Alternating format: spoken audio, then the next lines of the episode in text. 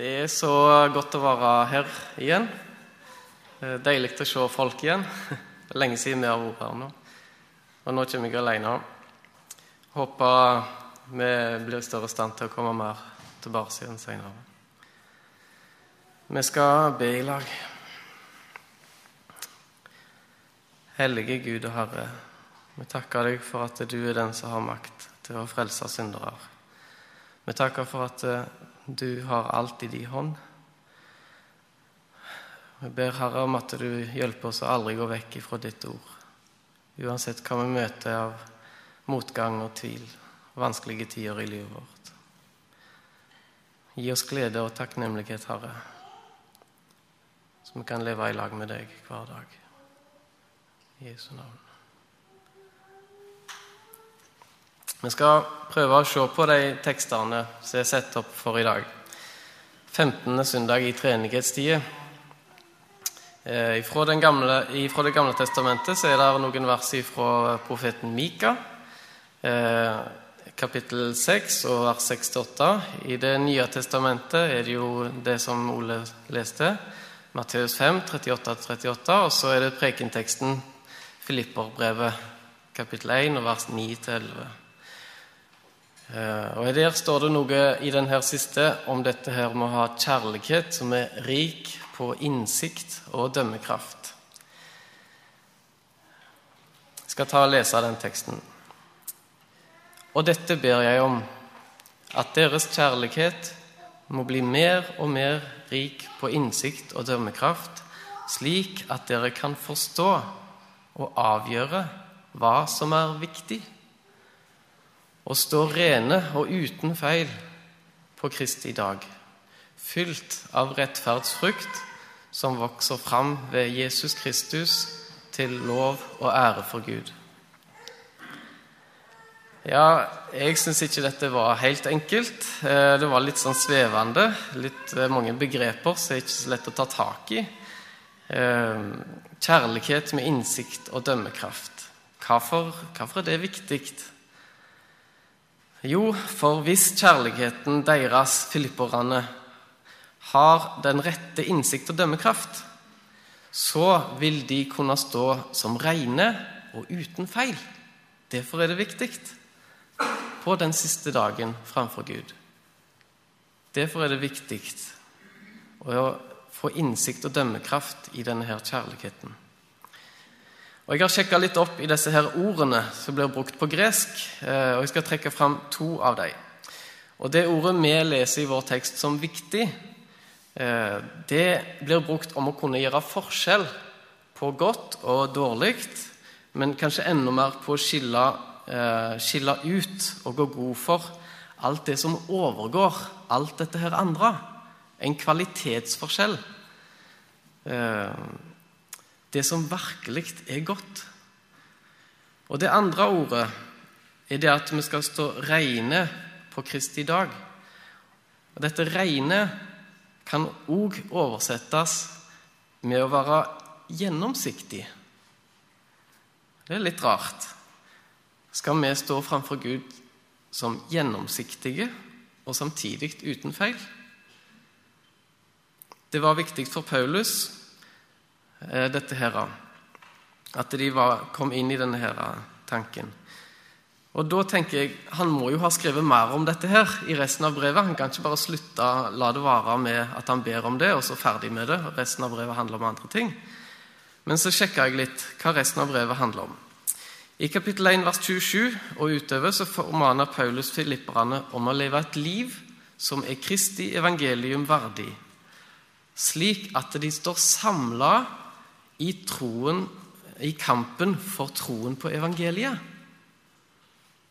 Sånn skulle de leve. De skulle stå samla i kampen for troa på evangeliet. Og at denne kampen her, det er noe som Paulus står midt oppi.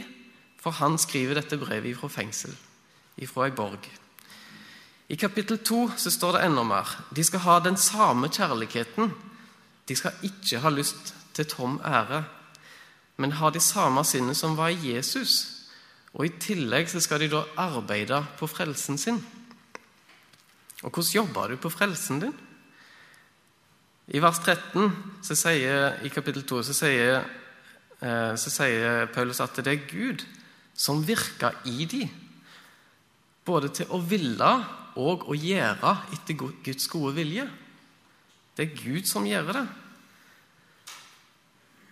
Og videre at de, skal, at de faktisk skinner, filipperne skinner som lys i verden i det de gir masse under og mirakler, eller gir masse penger og mat til de fattige. Nei, det er ikke det det står. De, eh, faktisk står det at de skinner som lys i verden i det de holder fram livets ord. Evangeliet igjen. Paulus fortsetter videre med å forklare at de må ikke stole på de ytre gjerningene sine for å få hjelp til deg, av deg til å nå himmelen. Om de er aldri så gode, så hjelper det ingenting. Og Paulus sier at han vil rekne hele livet sitt som skrap og søppel om han bare kunne, få, kunne vinne Kristus og bli funnet i han. Ligner dette litt på gjennomsiktighet? Kanskje. Og Mot slutten av brevet så får vi en advarsel av å ende opp som fiender av Kristi kors. Altså evangeliet om at Jesus død for verdens synd, og at det fins tilgivelse i tro på Jesus på grunn av hans død på korset. De blir formant til å ha sin glede i Jesus og legge alt fram for ham. For det vil bevare deres hjerter og tanker i Kristus Jesus. Og alt som er sant, æreverdt, rettferdig, rent, verdt å elske, alt som folk taler vel om, alt som er dugende og rosverdt, det blir de sagt at de må gi akt på. Men hva har evangeliet med kjærlighet å gjøre sånn egentlig? Hva er det Paulus vil si oss med dette her? I Romerne 13 så sier Paulus at kjærligheten er oppfyllelsen av alle bud, av loven. Og Johannes sier at Gud er kjærlighet. Og Jesus sa om seg sjøl at han var kommet for å oppfylle loven. Hvordan Gud er og vil at vi skal være, eh, det får vi vite mer om i evangelieteksten. Eh, her møter vi det som overgår alt det andre av gode gjerninger og av menneskelig kjærlighet, som Ole snakker om. Jeg leser teksten en gang til fra Bergpreiket. Dere har hørt dere sagt øye for øye og tann for tann. Men jeg sier dere, sett dere ikke til motverge mot den som gjør vondt mot dere. Om noen slår deg på høyre kinn, så vend også det andre til. Vil noen saksøke deg og ta skjorten din, så la ham få kappen også. Om noen tvinger deg til å gå én mil, så gå to med ham. Gi til den som ber deg, og vend ikke ryggen til den som vil låne av deg. Dere har hørt dere sagt, du skal elske din neste og hate din fiende. Men jeg sier dere, elsk deres fiender. Velsign den som forbanner dere, og gjør godt mot dem som hater dere. Og be for dem som mishandler dere og forfølger dere. Slik kan dere være barn av deres far i himmelen. For han lar sin sol gå opp over onde og gode, og han lar det regne over rettferdige og urettferdige. Om dere elsker dem som elsker dere, er det noe å lønne dere for? Gjør ikke tollerne det samme? Og om dere hilser vennlig på deres egne, er det noe storartet? Gjør ikke hedningene det samme? Vær da fullkomne, slik deres himmelske Far er fullkommen. Ja, sånn er Gud. Fullkommen. Og her er det som overgår alt det andre av gode gjerninger og alt som kalles kjærlighet på jord. En sterk kvalitetsforskjell. Og du som kaller deg en kristen, har du denne kjærligheten til nesten din? Har jeg det? Gud er hellige, han er reine. Han er svært nøye med seg sjøl og det som han gjør i alle sine gjerninger. Han er sånn som Jesus viste oss ved sitt liv på jordet. Jesus han er loven i menneskeform. Jesus viste oss hvordan Faderen er. Det sier han. Hvis du har sett Jesus, så har du sett Faderen. Og loven er derfor en beskrivelse av hvordan Gud er, som er kjærlighet. Hvor hellige han er. Alltid givende, alltid tilgivende. Og alltid på leit etter de som er bortkomne, de som trenger frelse. Guds hender er rakt ut mot verden hele dagen. Han lar det komme sol og regn til liv og mat og glede for både gode og vonde mennesker. Han gir latter, han gir familie, klær, hus, vennskap og trygghet til satanister, til ateister, til kristne, til forskere, til sykepleiere, diktatorer, diktatorer mekanikere, eh, prester, regnskapsførere, legesoldater og syndere generelt av alle slag. Hver eneste dag deler han ut av sin godhet. Og kanskje en gang får han ett og ett av disse hjertene til å vende seg om til han med sin godhet. En gang så kommer det til å ta slutt, og Gud setter strek for når det er nok for denne verden. Men ennå så strekker Gud ut sine hender mot oss og mot deg, og vil vinne deg med sin godhet. Forstår du ikke at Guds godhet driver deg til omvendelse, sier Paulus i Romerne 2. Og Så spør han videre forakter du at Gud er sånn. Forakter du Hans rikdom på godhet og overbærenhet og tålmodighet med syndere? At han ikke med en gang straffer de som gjør vondt mot deg eller dine? Blir det for drøyt for deg når han sier at eh, du skal tåle alt, og heller tilgi og velsigne de som forbanner deg og gjør vondt mot deg.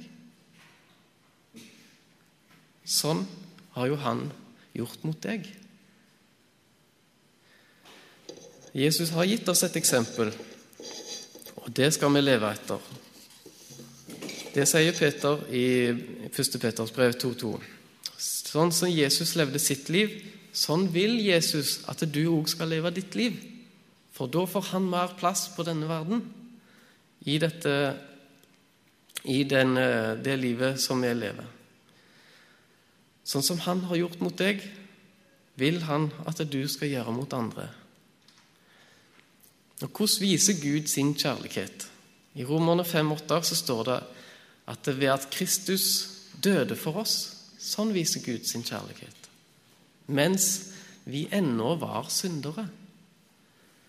Johannes 3, 16, For så elska Gud verden, at han gav sin sønn. Sånn Jesus elska deg og gav seg sjøl for din synd. Sånn vil Gud at du òg skal elske din neste og gi deg sjøl for han. Sånn som Jesus tåler å bli tatt til fange som en røver, stilt for retten, spytta på, spotta, slått, piska og korsfesta og drept. Slik vil han at du skal leve ditt liv i tjeneste for andre, for din neste, fram til du heller ikke blir tålt mer, sånn som Jesus ikke ble tålt. Fram til du blir tråkka på og forfulgt. Som Jesus søkte å vinne mennesker for himmelen, så vil han at du òg skal søke de som går og vakler mellom synd etter synd, etter synd, etter synd. Uten Gud og uten håp. Han vil at du skal være som han er. Han som elska sine fiender og gav sitt liv for ugudelige syndere. Han vil at du elsker Han vil se at du elsker dine fiender. At du velsigner dem og taler vel om dem. Og mens de drepte Jesus, så sa han, 'Far, du må tilgi dem, og de vet ikke hva de gjør. Det er kvalitet i kjærlighet. Ser du hvor langt borte jeg og du er fra Gud for å ligne på Han? Vi kan bare ane litt av det. Men Gud han ser til hjertene våre, og han vet hvordan det står til. Han vet at du aldri, aldri vil kunne nå opp til det eksempelet som han har sett opp for deg. Han vet det. Vi må forstå forskjellen på Guds krav og på Guds gave. For selv om vi vandrer langt borte fra Gud til vanlig med våre liv, så vil Gud komme nær til oss. Nær til deg. Han vil tale vennlig til deg og forkynne for deg at din strid, den er endt. At han har en gave til deg. En forsoningsgave. Du skal få Jesu liv i gave. Du skal få alle hans gjerninger og all hans kjærlighet som han har til din neste. Ja, alt det som han krever av deg, skal han gi til deg, sånn at du kan si ja, dette her, det er mitt liv. Dette får du uten å gjøre noen ting. Det er en gave som du får for ingenting. Og når du så kommer fram for Gud og skal vise fram gaven din, og du sjøl med dine gjerninger blir gjennomsiktig Sånn at Gud ser bare Jesu liv og Jesu kjærlighet til alle mennesker. Alle du har gått rundt i hele ditt liv. Og nå er det Jesus som gjelder i plassen for ditt gamle liv. Og det er nå du er en kristen. Og du har ikke gjort noen ting for å bli det. Det er Guds gave. Og her er gleden i Herren. Og så kommer Jesu ord til deg, som du gjorde til disiplene. Gi som gave det som du fikk som gave. Og når Gud har startet, Nå har Gud starta på det neste steget i at din kjærlighet kan bli dype på innsikt og kunnskap. Du må studere gaven din. Du må bli kjent med den. Finne ut alle de fantastiske detaljene med Jesu liv og virke. Livet hans, det er jo nå blitt ditt liv. Bli kjent med Jesus. Start dagen din sammen med han. La han få vise deg på ny og på ny at han elsker deg. At Gud elsker deg som sin egen sønn. Og Gud blir ikke flau eller skammer seg aldri over Jesus. Det gjør han ikke. Gud er svært stolt over det Jesus har gjort. Han elsker sitt barn, som har oppfylt hele Guds lov til punkt og prikke. Sånn ser han på deg nå. Hva mer krever Gud av deg nå, da? Johannes skriver i første brevet sitt dette er hans bud, at vi skal tro på Hans Sønns Jesu Kristi navn og elske hverandre slik han bød oss. Vi må holde fast på evangeliet om Jesus og kjempe virkelig for at det der er ingenting av dine egne gjerninger som får komme mellom Gud og deg. Og Noe av hemmeligheten i Guds kjærlighet, eh, som Luther peker på, annet eh, for oss, det er at utakk, det er verdens lønn. Og du har nå fått lov å bli med på Guds prosjekt om å gjøre godt mot alle. Uten å bli takka. Uten å få lønn. Men tvert imot med å bli misforstått håna og tale vondt om, og kanskje til og med forfulgt. Jesus han delte ut ubetinga tilgivelse til alle som audmjuka seg i møte med han. Men til ingen sa han at de skulle fortsette å synde. Det gjorde han ikke. Han var alltid i samsvar med loven. Tvert imot så ville han at de skulle omvende seg ved hans godhet. Og nå som du har fått syndenes forlatelse, så kan du gjøre gode gjerninger uten at du trenger å tenke deg om på at Gud ser deg nå, eller om at den gjerningen er god nok. Er kjærligheten min brennende nok? Du gjør det ikke lenger for å få noe fra Gud, eller for at han tvinger deg til det, for du har allerede fått alt. Han har starta en god gjerning i deg, og den skal han sjøl fullføre. Det er ikke du som skal fullføre den gjerningen. Når jeg har gjort noe eh, jeg tenker bra og god gjerning, så eh, mot f.eks. en nabo, da, så er det typisk meg å tenke at eh, ja, nå, nå fikk jeg vist at eh, ekte kristne kan være sånn som dette. De kan gjøre gode ting. Tipper det fikk litt av Guds lys inn i naboens liv, ja. Bra jobba. Men vet du hva Bibelen sier? At det er det som kjennetegner en ekte kristen god gjerning. Det er at den som gjør det, han ser ikke sånn på det sjøl.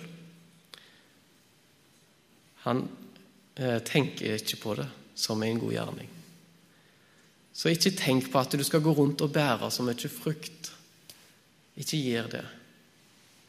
For da står du fort i fare for å sette noe av ditt eget inn i tillegg eller istedenfor Jesus. Og det er farlig. Og det er en kamp vi må kjempe.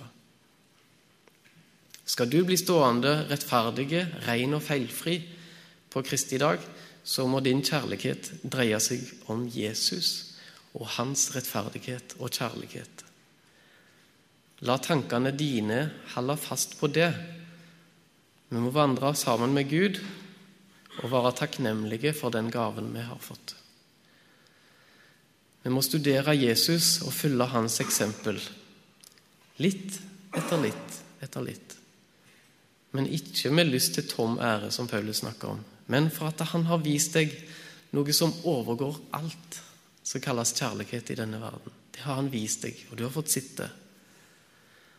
Og det verden gir tilbake til Gud, det er utakknemlighet både for hans godhet i hverdagen og hans evige offer for deres synder. Men vi, vi har all grunn til å takke Gud for frelsen i Jesus. I tillegg til alt det andre han auser over oss hver eneste dag. Og nå står det igjen bare det å vandre i lag med Jesus og aldri gå vekk ifra han og hans nåde. Til slutt skal vi lese teksten fra Mika. Hva skal jeg komme fram for Herren med når jeg bøyer meg for Gud i det høye? Skal jeg komme, til, komme til ham med brennoffer, med årsgamle kalver? Bryr Herren seg om tusenvis av værer, titusenvis av oljebekker? Skal jeg ofre min førstefødte for mitt lovbrudd, min livsfrukt for min sjels synd? Han har kunngjort for deg, menneske, hva godt er. Og hva krever Herren av deg? Bare at du gjør rett, viser trofast kjærlighet og vandrer ydmykt med din Gud. Filipperne 4,4. Gled dere alltid i Herren. Igjen vil jeg si, gled dere. Amen.